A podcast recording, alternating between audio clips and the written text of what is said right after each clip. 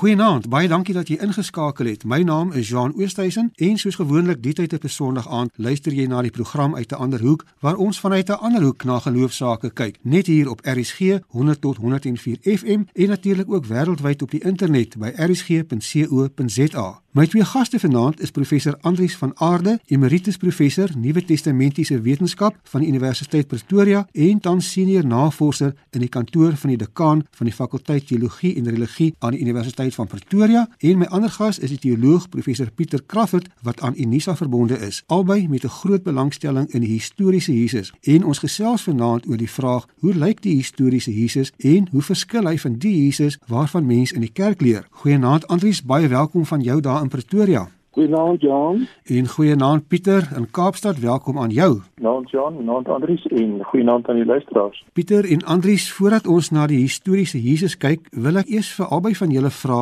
of Jesus ooit regtig bestaan het. Nou ek weet dit mag dalk vir baie mense en luisteraars vergesog klink om so 'n vraag te vra, maar daar is ook 'n skool van denke wat sê daar is geen historiese bewyse buite die Bybel van Jesus se bestaan nie. Pieter, kom ek begin by jou. Het Jesus regtig bestaan en is daar genoeg historiese bewyse daarvoor? John, ja, dankie. Voordat ek jou vraag antwoord, ek dink daar is vier aspekte wat mense in ag moet neem as mens oor die historiese Jesus praat. Die eerste een is mense moet besef dat daar is verskillende redes waarom historiese Jesus navorsing gedoen word. Hier nie te doen met die bronne. Dit is die verskille tussen die bronne. Dit is nou wat detail van spesifieke insidente of woorde van Jesus betref, maar ook die groter prentjie van die evangelies. Die tweede rede het te doen met die inhoud van die evangelies. Ons weet dat mense praat met demone en engele en daar's wonderverhale en duiwelbeseerdheid ensovoorts. Met ander duidelik 'n mitologiese of bonatuurlike element in die inhoud van die tekste. En hierdie twee moet mens van mekaar onderskei. Daar is twee soorte vrae wat 'n mens kan vra. Jy kan die vraag vra: Het iets gebeur? Met ander het Jesus opgestaan? En gewoonlik is die antwoord ja of nee. Maar daar's ook 'n ander soort vraag wat mense in hierdie verband kan vra. En dit is: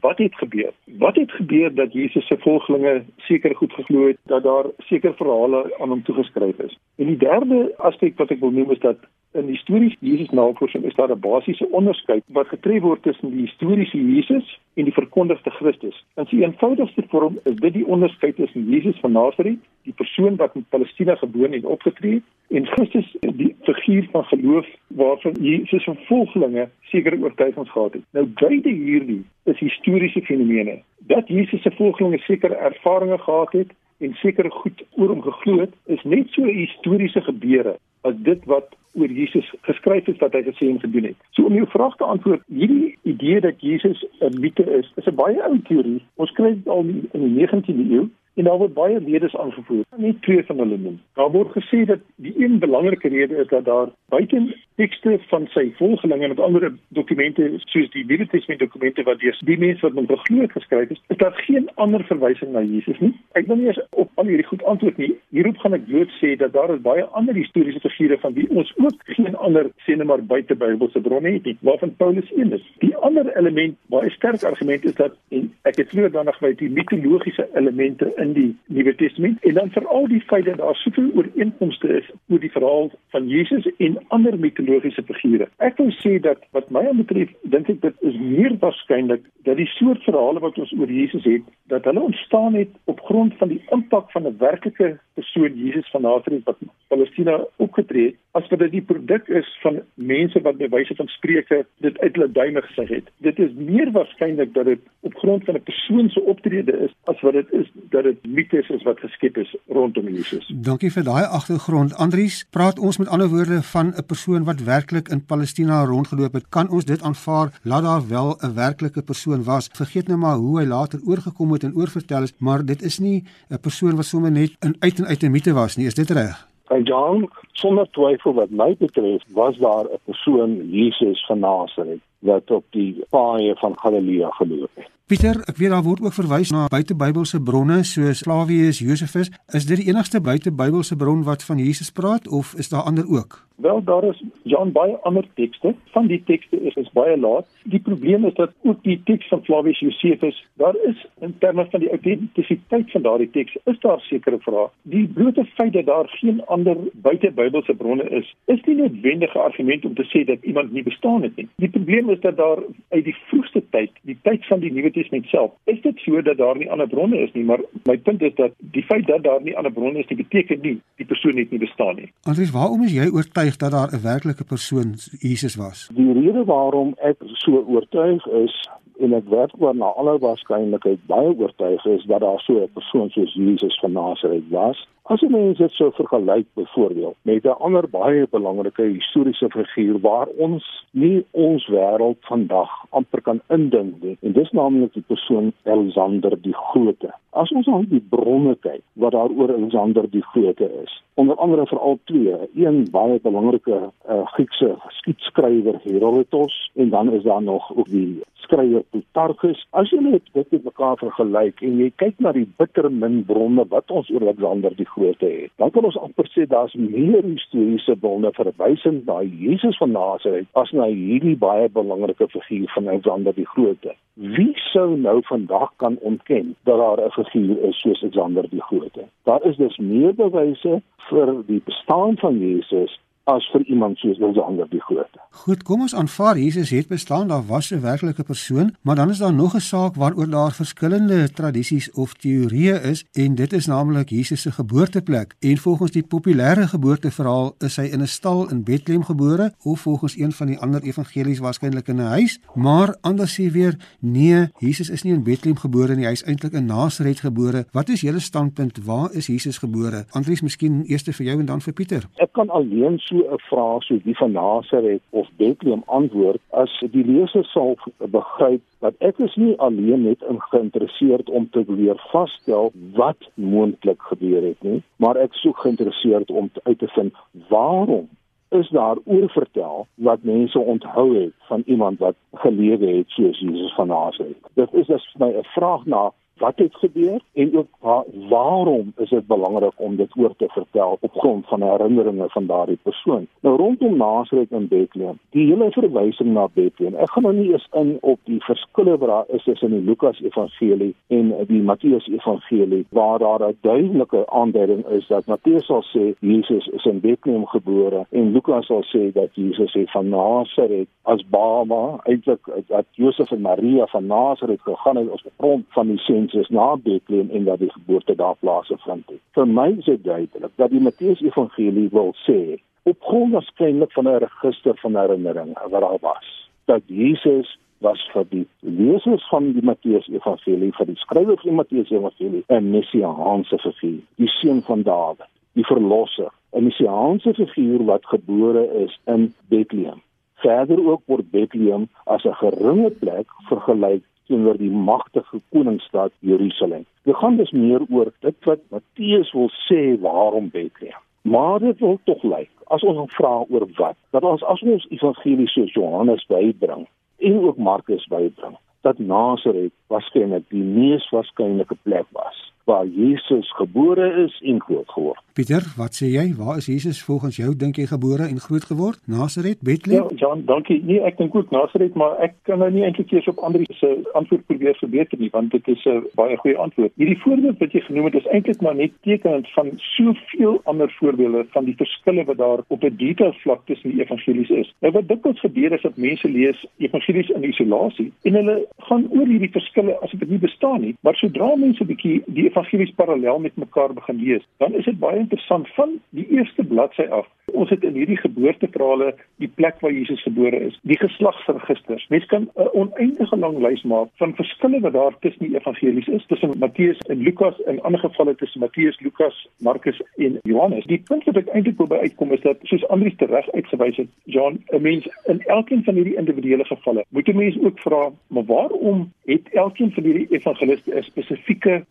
beklemtoning gehad of 'n spesifieke punt probeer maak? So daar dit was 'n teologiese punt wat 'n evangelis wil maak, 'n spesifieke aspek van wat hulle wil beklemtoon oor Jesus se lewe en wat nie noodwendig na historiese gegevens verwys nie. Andries, hoekom is dit belangrik dat hierdie navorsing gedoen word deur byvoorbeeld mense soos die Jesus Seminar oor die historiese Jesus? Wat maak ons dan met die Bybelse getuienis? Is die Bybel nie genoeg nie? As jy sê so vra waarom dit belangrik is, dis ook iets wat mense oor lank kan praat, maar in kort. Net soos ek geïnteresseerd sal wees as 'n historikus oor die geskiedenis van iemand soos Julius Caesar. Oor wat ek kan weet van Sokrates wat ook nie self geskryf het nie, maar wat ons inligting het van uh, die volgelinge van Sokrates. Net soos ek geïnteresseerd sal wees in uh, die historiesiteit en die werk van iemand soos Jan Smuts, kan ek nie dink dat iemand nie geïnteresseerd sou wil wees oor wie Jesus werklik was nie sien we die invloed wat Jesus in die is van die mensdom gehad het. Dis die een rede, maar die tweede is my 'n baie belangrike rede as 'n gelowige mens en iemand wat deel is van die lewe van die kerk. Dit is vir my belangrik om raak te sien en te erken dat daar 'n moontlikheid bestaan dat selfs iemand 'n instelling soos die kerk selfs ook iemand anders soos kunstenaars, skrywers, wie ook al, dat hulle in die naam van Jesus dinge kan sê eh, wat vir my eerder op 'n vervreemding van Jesus en Jesus se boodskap neerkom. Ek is geïnteresseerd om dit te toets, baie krities te toets. Ek is spesieus wat die kerk sal kan sê van Jesus is dit werklik waar in 'n kontinuïteit met die boodskap van Jesus en waarvoor Jesus gestaan en geleef en gesterf het of is daar 'n vervreemding? Want ons het voorbeelde soos antisemitisme. Ons het voorbeelde van kerklike institusionalisme van eksklusiwiteit van 'n uh, patriargale dominansie van mans. Ons het publieke teoloë wat in die wêreld van fliek, uh, die film, die kuns voorbeelde maak van Jesus ons moet vra, waarom is dit nodig om dit te toets? Dit gaan oor 'n vraag oor het ons te doen met vervreemding of het ons te doen met verdieping? Nie in die eerste plek my 'n vraag of ek kan bewys wat Jesus alles gedoen het, maar of die waardes van Jesus wel voortlewe of nie. Jy vra of die evangelies nie voldoende is nie, maar dit is juis as gevolg van die verskille wat daar bestaan. Ons moet hierdie navorsing doen omdat die bronne ons ook daartoe lei om te vra wat het gebeur? Waarom het dit gebeur? Waarom is daar die verskille? My twee gaste is professor Andrius van Aarde en professor Pieter Crawford wat albei navorsing gedoen het oor die historiese Jesus en dit is waaroor ons vanaand gesels. Hoe verskil die historiese Jesus van die Jesus waarvan ons gewoonlik in die kerk hoor of selfs in die Bybel van lees? Andrius, ons het in die eerste helfte so 'n bietjie gesels oor die Jesus seminar. Wat is jou standpunt oor die Jesus seminar?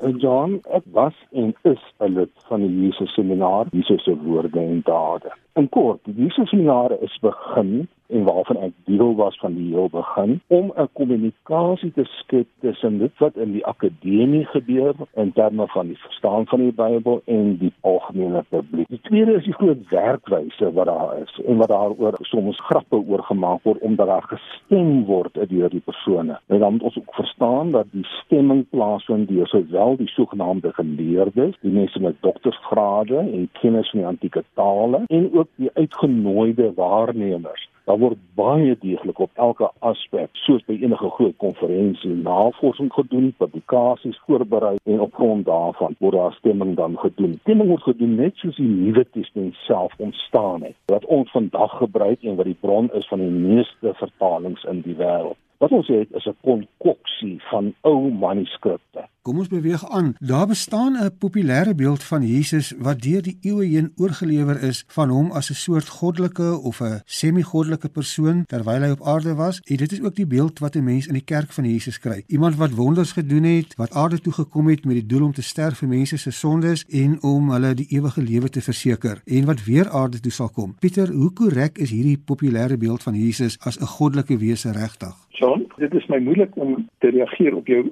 vraag van hoe korrek dit is. Gebruik 'n voorbeeld om dit te illustreer. 'n Mens kan die woord mens kan van iemand soos president Mandela of Martin Luther King sê dat hulle 'n messias figuur vir hulle volgelinge was. Niemand van ons sal dit vandag letterlik in konkreet opneem nie. Mense sal verstaan dat dit is 'n idiomatiese gebruik, dit is 'n simboliese gebruik om te sê dat daai persoon net 'n baie belangrike rol gespeel vir hulle volgelinge. Die idee dat Jesus meer as 'n mens is, dis nie iets wat die kerk geskep het nie. Dit is iets wat alreeds in die Nuwe Testament self is. Ek het vroeër gesê dat daar is 'n verskil tussen die historiese figuur en die Christus van die geloof. Nou hierdie is nie iets wat die kerk later geskep het nie. Ons kry in die Nuwe Testament self Paulus se briewe. Paulus skryf eintlik niks oor die aardse persoon nie. Hy verwys verwys beswaarlik na Jesus se lewe. Hy skryf oor die Christusfiguur. Die idee dat Jesus meer as 'n mens is. Dit is deel van die proses wat plaasvind dit wat reeds in die Nuwe Testament lê en ons hoef dit nie noodwendig konkreet letterlik op te neem nie, net soos met die voorbeeld wat ek vroeër genoem het.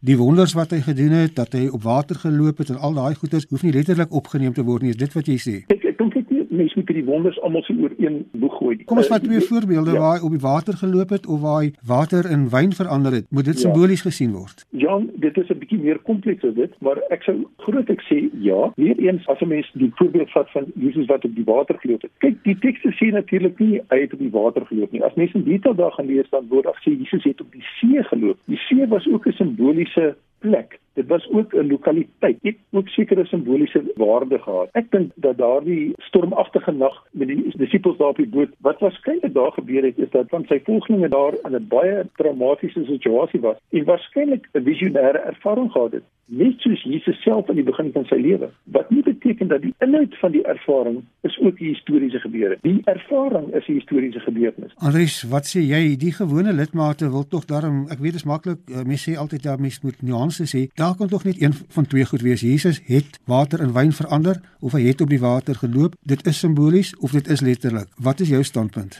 Ek sien hierdie tekste as 'n vermenging van uh, mites, mitologiese restes en ook herinneringe wat teruggaan na sekere historiese gebeure. Daar is soveel analogie in die Grieks-Romeinse wêreld waar jy verhale kry wat soortgelyk. Hier het ek sonder twyfel aan die een kant wil ek met Pieter baie sterk saamstem dat ons hier te doen het met 'n baie belangrike herinnering van ervarings van mense of dit nou in vrees is of in tekortkoming is, maar ons het ook hier 'n mengsel van wat die lesers en die hoorders van daardie tyd geken het uit die Grieks-Romeinse verhale van gode en helde en filosowe. Pieter het Jesus in sy lewe ooit self daarop aanspraak gemaak dat hy God is? John, daar is nie veel twyfel daaroor nie. Nee, in die sin van ons het nie enige direkte getuienis daaroor nie. Ek dink dat as mens by Jesus se doopervaring begin, is daar geen twyfel dat hy 'n besondere soort van ervaring gehad het nie. En dat hierdie ervaring, hierdie visionêre ervaring wat hy gehad het, waarskynlik 'n baie groot rol in sy lewe gespeel het, dat hy sy eie lewe in 'n spesiale soort verhouding met God gesien het en dat hy met ander anders oor hom en sy verhouding met God gedink het uh, op grond van hierdie ervarings dink ek daarvoor sou mense saak om uitmaak. Met ander woorde dat die wortel van die soort van oortuiging reeds by Jesus lê dit dink ek is moontlik maar ons het nie hierdie oorvloedige oortuiging dat Jesus self dit sou gesê het nie. Dit is ook nie so belangrik of Jesus dit self gesê het nie. Ons weet dat op grond van soortgelyke visionêre ervarings het sy volgelinge gesê dat hierdie lewe vir hulle simbolies is van die goddelike. Baie vroeg al in die Nuwe Testament in Paulus se briewe kry ons al hierdie idee dat Jesus meer as 'n mens is, dat hy 'n goddelike figuur is. Daardie idee, dink ek, het baie vroeg reeds in die Christendom gelê. En weer eens Jean dit is net soos my voorbeeld van Mandela en Martin Luther King. Dit beteken nie letterlik en konkreet nie. Want wat beteken dit nou in elk geval om te sê dat Jesus is God? Ek dink dit maak meer sin om te sê dat Jesus en sy volgelinge 'n baie noue assosiasie gesien het tussen sy lewe en dit wat gebeur het en die goddelike. Andries die hele leerstelling dat Jesus ware mens en ware God is was nog altyd omstrede maar dit is ook nie nuut nie. Dit, dit is 'n debat wat ook al baie lank in die kerk se geskiedenis kom nie waar nie?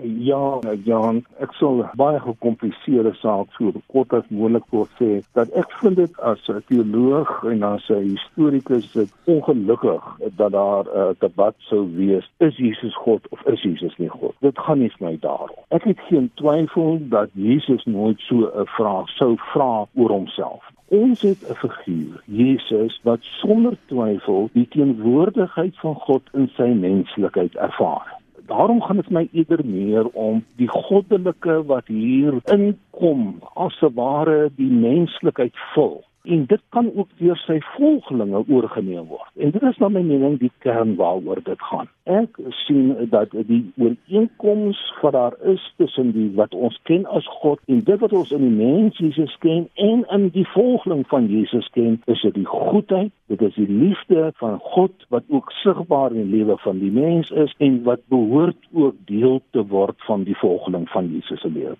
Jan, wat ons wel weet is dat kort na Jesus se dood het van sy volgelinge visionêre ervarings van hom gehad. En daardie ervaring het gemaak dat hulle hulle lewens totaal verander het. Hulle het op reise gegaan kort na Jesus se dood binne die eerste 20, 30, 40 jaar het hulle die ganse Romeinse ryk deur kruis, deur loop, deur reis met op skepies om hierdie ervarings wat hulle gehad het om dit te verkondig. So Daar is mense wat geraak is beide deur Jesus se lewe en deur hierdie visionêre ervarings en op grond daarvan het hulle sekere oortuigings oor hom ontwikkel en hierdie sendingaktiwiteite uitgevoer. En die manier hoe hulle dit verwoord het, was onder andere om te sê dat vir hulle was Jesus meer as 'n mens. Hy was hierdie goddelike het vir hulle teenwoordig geword in hierdie persoon, in hierdie Messias waarvan hulle gepraat het. Ja, dit is nie 'n kwessie van is Jesus dit of is hy nie dat dit nie is Mandela 'n Messias of is hy nie. Wat ons wel weet is dat daai soort van taal baie vroeg deur Jesus se volgelinge gebruik is om oor hom te praat. Die soort van wysheid wat ons by Jesus vind, vind ons ook by Stoïsynse geleerdes en ook in ander eras. In daardie sin is daar as wysheidsleraar nie 'n verskil nie. Wat wel verskil is dat baie ander wysheidsleraars het nie volgelinge wat ook hierdie addisionele soort van waarde in daai wysheidsleraar se lewe sien nie of ervaar nie. Daar ontstaan nie om alle wysheidsleraars leraars noodwendig 'n kultus of 'n godsdienstige beweging nie. En dit is natuurlik nie die enigste geval nie. John ons het ander voorbeelde in die geskiedenis waarvan die mormone byvoorbeeld een is dat daar rondom die ervarings van 'n individu kan daar 'n godsdienstige beweging ontstaan. Die verskynsel is nie so uniek en nie nie. Andries, wat dink jy was die gevolg van Konstantin se politieke mag op die ontwikkeling van die Christendom soos wat ons dit vandag ken en hoe sou dit gelyk het as dit nie daarvoor was nie? Sy erfenis op die kerk en Christendom was om die kerk 'n magsinstituut te maak. Daar is 'n stuk skynheiligheid uh, wat ons het in die oorvertellinge van die lewe van Konstantin, die bedoelinge waarom hy konsilies soos die van Nicea bymekaar geroep het, was om politieke redes en terwyl van homself Ek dink ons het eerder hier rooi ligte wat skyn wanneer ons al oor die invloed van Konstantin dink en ons moet baie versigtig wees. Baie mense noem hom die Führer, die leier van die Christendom. Ek sien eerder meer die rooi lig van o, oh, kyk die mag en ook die magsbegspreek en dat die kerk so maklik daardie selfe patroon kan inneem en ook mense by selfe magsbewussyn kan oorneem. Kom ek vra net hier heel aan die einde vir elkeen van julle as die historiese Jesus soos wat julle hom sien vandag moes leef. Wat dink julle? Waar sou ons hom vind en wat sou hy gedink het van die kerk of die georganiseerde godsdiens soos wat dit vandag is? Sou hy homself herken het in die oorvertelde Jesus? Pieter, eers jy? Uh, ja, dit is 'n vraag wat mense baie lank oor sou kon praat. Mense kan eintlik nie oor die kerk praat as dit 'n monolitiese uh, entiteit is. Kyk, dit is interessant dat selfs in die Afrikaanse kerke is daar Afrikaans sprekende kerke, en ek vat dit nou nie baie baie sin, is daar tradisies wat baie nader staan aan die leringe van die historiese Jesus, met ander die dit wat Jesus sê, jy met jou naaste lief hê soos jouself, die bergpredikasie en so. Vat net maar die Bellaar getuienis as 'n voorbeeld. Daar is kerke wat nader aan daai tradisie staan en dan is daar kerke wat baie nader aan die Jesus van die geloof tradisie staan. Maar baie kerke het 'n soort van 'n kombinasie van hierdie goed. En op 'n glyskaal is baie van hulle dikwels baie nader aan die geloofsmessias en wat daarmee saamhang. Ek sou sê dat soos die lewe maar is, Jan, ek dink daar is 'n groot diversiteit en daar is plekke en kolle waar ek dink Jesus hom inderdaad tuis sal vind en ander plekke waar hy sal sê dit is nie hoe dit behoort te lyk nie. Andries, 'n laaste woord van jou, die historiese Jesus en die Jesus wat kerke en georganiseerde godsdiens van hom gemaak het. Wat is jou mening? Ek sou hom probeer om 'n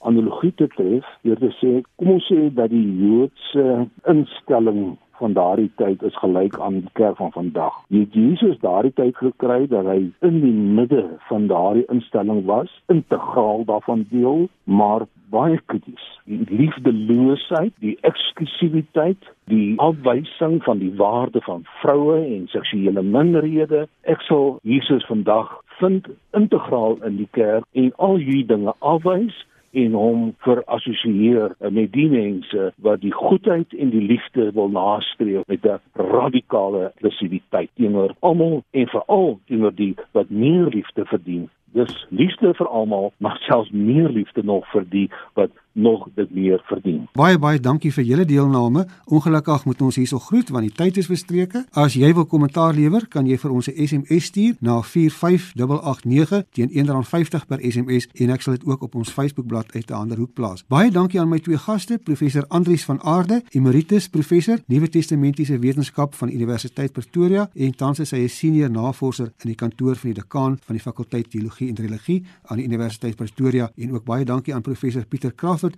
ook 'n Bybelwetenskaplike en navorsingsgenoot verbonde aan Unisa. Vir julle deelname baie dankie vanaand. As jy weer daarna wil luister of na enige van die vorige programme, hulle is ook beskikbaar as potgoeie op RSG se webwerf. Van my, Jean Oosthuizen, totsiens tot volgende Sondag aand wanneer ons weer uit 'n ander hoek gesels. Goeienaand.